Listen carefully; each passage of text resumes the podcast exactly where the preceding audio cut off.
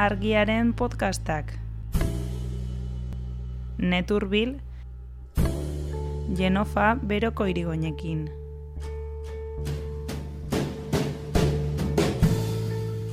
Ura, uraren uh, erabilpena ba, musutruk edo jarri zuten. Ba, eskoa garbitzeko eta aukera eta posibilitatea egoera ekonomikoagatik ez oztopatua izateko. Hori esku artean, ba, multinazional batzuk, uraren privatizazioan diren multinazional batzuk, ba, jotzen alukete El Salvador edo Boliviaren kontra, Eganez, ba, begira, babes neugi horren gatik, nik galduitut milioiak eta hori ez dut onartzen, eta nire merkataritzan kalte egin dio neugi horrek eta eta uzitara jotzen dut.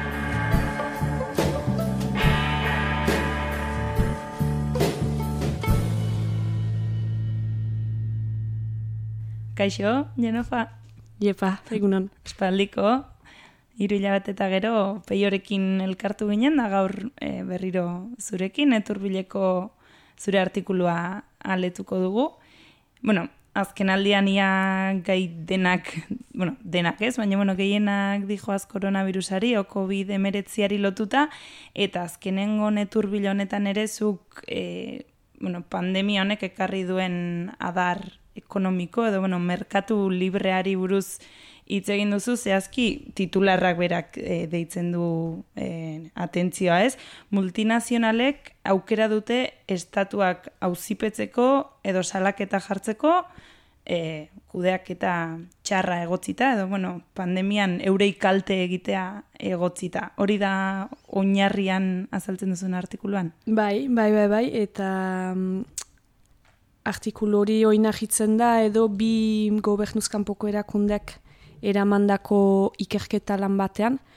Haiek e, ikertu dituzte mundu mailako abokatu kabinete handi batzuek azken hilabeteetan eramandako piskat, ikerketa eta lanak. E, kabinete horiek aritu dira multinazionalentzako ikertzen azken hilabete hauetan koronavirusaren izugitari auge egiteko jarri diren uh, babes eta neugi sanitario guztiak. Eta haien helburua da uh, neugi hoiei begiratzea eta nunbait ikustea nola neugi hoiengatik estatuak hauzitan ezagiz ba azken finean kalte hor dainak galdatzea eta milioiak irabaztea bide hortatik. Mm estatuek ordaindu beharko liekete multinazionalei, e, auz, e, paiketa hori irabaziko balute, kalte ordaina?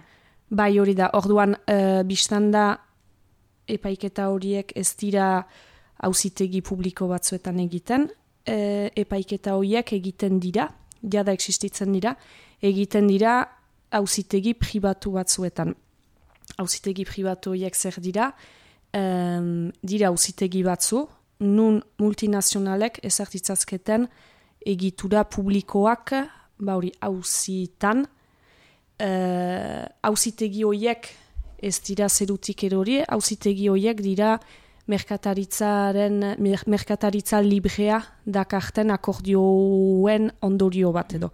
Akordio horiek, orduan hori gira zeta, uh, Kanadarekin pasatakoa, baina gero tip edo tafta mm. izenekoa ere asko hitz egin zen lehen, estatu batuekin pasatzeko asmoa den hitzarmena, oraindik gaur egun blokatua dena, ze justuki jendea mobilizatu zen kontra, baina akordio horiek uh, liberalismoa ba, gauzatzen dute ba, mugarik gabe, eta horiek dituzte hauzitegi horiek sortzen. Mm.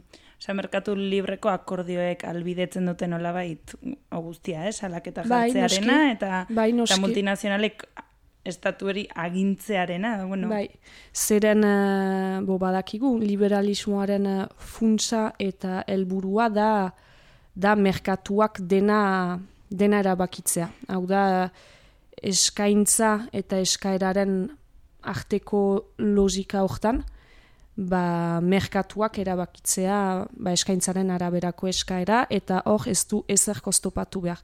Ez da zergarik behar, ez da, ez da legerik edo kontrolarik behar, behar albezain gauza gutxi eta merkatuak erabili, erabaki dezala dena. Eta beraz, ba orain arte auzitegi hoietara jo dute multinazionale hoiek demagun uh, ingurumena babesten duen legedia eskuartean. Hau da, mm. adibidez, uh, nik ez dakit uh, edo hori pasa zen, baina Quebecek ingurune bat babestu zeren uh, anistasun, uh, anistasunaren aldetik ba, beratxa den gune bat da eta eta hori. Ba, multinazional batek nahi ukandu hor petrolioa hortik atera, lege horrek debekatzen zuen, ba, beraz multinazionalak jo du hauzitegi hortara, eta kebekek milioiak ordaindu behar izan ditu. Eta gaur egun egin nahi dutena edo, orainik ofizialki ez da ez da uzibiderik irekirik, baina abokatu horiek ikertzen ari dira, bada justuki e, koronavirusari auge egiteko hartu diren neugi, neugietan hori nahiturik, ba estatu batzuk hauzitan e, jartzea. Egan ez, neugi hoien gatik, ba multinazionaloiek ez dutela be, behar zuten diru kantitatea mm. edo bildu. Eta artikuluan adibide batzuk ematen ditugu. El Salvador eta Bolivia aipatzen dituzu adibidez, ezta? Bai, hori da. Inkesta hortan hori agertzen da. Abokatu horiek, bi kasu horiek uh, ikertu ituzte demagun. Ba, kabinete horien uh, logikan, uh, estatu horiek hauziteratzen aliteizke, eta kalte hor dainak eskatu. Hor zer egin zuten bi estatu horiek, ura, uraren uh, erabilpena, ba, musutruk edo jarri zuten, ez zuten pagarazio, orain arte pagarazten zen, baina hor, ba, izurriteari auge egiteko eta beraz behintzat e, ba, eskoa garbitzeko eta aukera eta posibilitatea egoera ekonomikoagatik ez oztopatua izateko, ba, erabaki zuten uh, dirua uh, ura kitorik ezartzea. Eta beraz, hori eskuartean, ba, multinazional batzuk, hau da, uraren privatizazioan diren multinazional batzuk, ba jotzen alukete El Salvador edo Boliviaren mm. kontra, egan ez, ba begira, babes neugi horren gatik, nik galdu ditut milioiak, eta hori ez dut onartzen, eta nire merkataritzan kalte egin dio neugi horrek, eta eta uzitara jotzen dut. Mm. Bestetik, aipatzen duzu baita ere, multinazionalek aldituztela e, estatuak salatu, e, herritarrek egindako manifestazioak edo protestak edo horrelakoak ez aurre ikusi izanagatik, eta horrek gero e, multinazionaloiei, dendei, sortu dizkieten kalteengatik ondo ulertu bai, badu? Orduan, bai, bai, bai, kabinete horien uh, ikerketetan, olako olako adibideak agertzen dira. Adibidez eta artikuluan uh, baitze zitz edo pasarte bat jarri dut. Uh, Londresko boltera fieta kabineteak ondoko adioa, itze zitz. Istilu sozialek enpresetan lapujetak ondorioztatzen badituzte, kanpoko inbertitzaileek ondorioztatu dezakete, estatuak ez duela babes eta segurtasun osoaren bete beharra bete. Hori askida milioiak uh, eskatzeko orduan biziki urrundu haien logika ikusten dugun bezala, baina, baina egin da eta eta iraganean baitugu adibide batzuk, uh, Arabia Judabehiaren gara jartan, Egipton izan zen uh, ekintza, bauri, egitar ekintza bat, um, bauri, manifestazio bat izan zen, eta gazbide baten kontrako mm. ekintza burutu zuten hainbat egitarek bo 2008an hauzitegira jo zuen gazbide horren eh, jabeak, multinazionalak, eta irabazi zuen, Egiptok behar izan zituen, ba ere milioiak ordaindu multinazionalari. Beraz, haien logika oso urrundua, eta Egan nahi, hauzitegi eh, horiek eta orokorki merkataritza librearen akordio horiek biziki arriskutsua dira, bai sozialki, bai ekologikoki, bai ekonomikoki, eta hor, uh, beste behin agertzen da, azken finean uh, ez dutela bat ere ba hori bagenekien, baina zinez ez dutela bat ere bihotzik eta eta pres direla ba, gaur egungo egoeran eta janai uh, ba hori, neugi horiek baliatzeko gogoz direla ba milioiak irabazteko. Euren onunerako ez? Azkenean. Bai hori da, bai bai.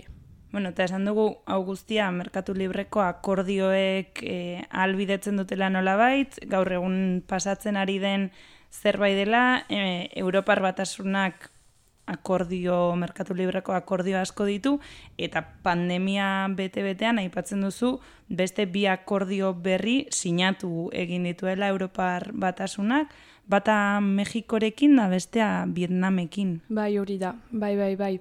Bai, orduan akordio hoiek ekartzeituzten hauzitegi hoien erabilpenari buruz hitz egin ez hasi naiz eta gero pixkatik ertu dut edo Europak batasunaren aldetik zertan zen uh, logika hori eta bai diozun bezala naiz eta egitajak Europak konfinaturik izan gure etxeetan eta ebe haiek uh, haiek segitu dute eta bai bi akordio izenpetu zituzten apirilaren ogoita sortzean Mexikorekin pasatakoa, eta eta martxoaren ogoita marrean uh, Vietnamekin pasatakoa. Orotara, Europak batasunak baditu behogeita bat itun izenpeturik, merkatari, merkatuaren liberalizazioaren bidean, uh, irurogeita ma bost egirekin, beraz, egan nahi logika hori orokortuz doa eta mundializatuz argita garbi. Beraz, ahiskua hor da. Mm uh, ahiskoa hor da argita garbi, eta, eta nunbait uh, lagida zeren, uh, zeren azken gara jauetan batez ere, azken urteetan eta koronavirusaren izugitearen garaian are gehiago, gerozta gehiago entzuten da, ba hori klima aldaketa hor dugula, aldaketak ekaji behar direla, badiru diagintari politikoek hitz batzuk fegan nahi, uh, adierazpen batzuk eta horren alde iten eta neugiak hartzeko borondatea erakusten dutela. Eta hor dugu demagun uh, Europako parlamentuari aurkeztu zitzaion Green Deal edo itun berdea, mm. baina egan nahi bi logika desberdin dira eta biak elkarrekin ez doatzi. Nahi edo segitzen da uh, itun hoiekin, akordio liberal hoiekin, eta beraz klimaldak eta riauge egiteko neugirik eta erabakirik ez da, borondaterik ez da, edo pasatzen gira benetan itun berdearen uh, ikuspegira eta klimaldaketari auge egiteko politika hausart batetara, eta kasu hortan uh, merkatuaren liberalizaziorik ez da, egan nahi biak batera ezin da. Eh, da bat bestea eta hortan da jokatzen gaur egun geroa eta eta gero urbilaz e, badakigu ba hori aldaketa klimatikoa orai pasatzen dela. Zeuk planteatzen duzu artikuluaren bukaeran galdera, ez? E, green Deal edo e, greenwashing. Osa, litzateke itun berdea, ala garbiketa berdea, edo, bueno, bai, nola itzuli, ez? Aurpegi garbiketa bat izango den bai, e, Green Deal hori edo benetan politikak aldatu eta ekintzetara pasatzeko, baina ez dakize panorama dagoen ekintzetara pasatzeko Europar batasunean. Bai, hori da, e, galdera pausatzen dut, zeren hori baitu zuitzak eta baitu zuekintzak. Itzai begiratzen denean, e,